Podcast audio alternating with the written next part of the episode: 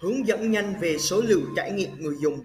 Chỉ số US là các chỉ số cho biết chiến lược thiết kế sản phẩm của bạn có hiệu quả hay không.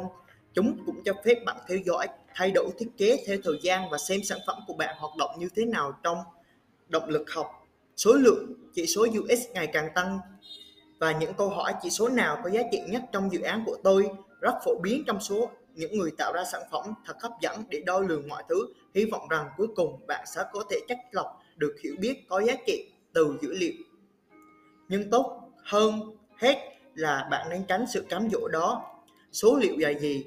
Số liệu là chỉ số là dữ liệu định lượng mà bạn thu thập và phân tích và hy vọng đưa ra quyết định thiết kế tốt hơn dựa trên phân tích này.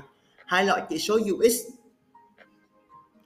đó là chỉ số hành vi các chỉ số về hành vi cho bạn biết cách người dùng tương tác với sản phẩm của bạn và những vấn đề họ gặp phải trong quá trình sử dụng. Hầu hết các thước đo hành vi được đề cập dưới đây đều có liên quan đến khả năng dễ sử dụng. Khả năng sử dụng tốt một phần không thể thiếu của UX vì khi người dùng hoàn toàn thành mục tiêu. Họ, trong sản phẩm của bạn, họ sẽ nhanh chóng tìm ra giải pháp thay thế. Các chỉ số hành vi có thể được thu thập trong quá trình kiểm tra khả năng sử dụng, trong phòng thí nghiệm hoặc sử dụng trong các công cụ phân tích.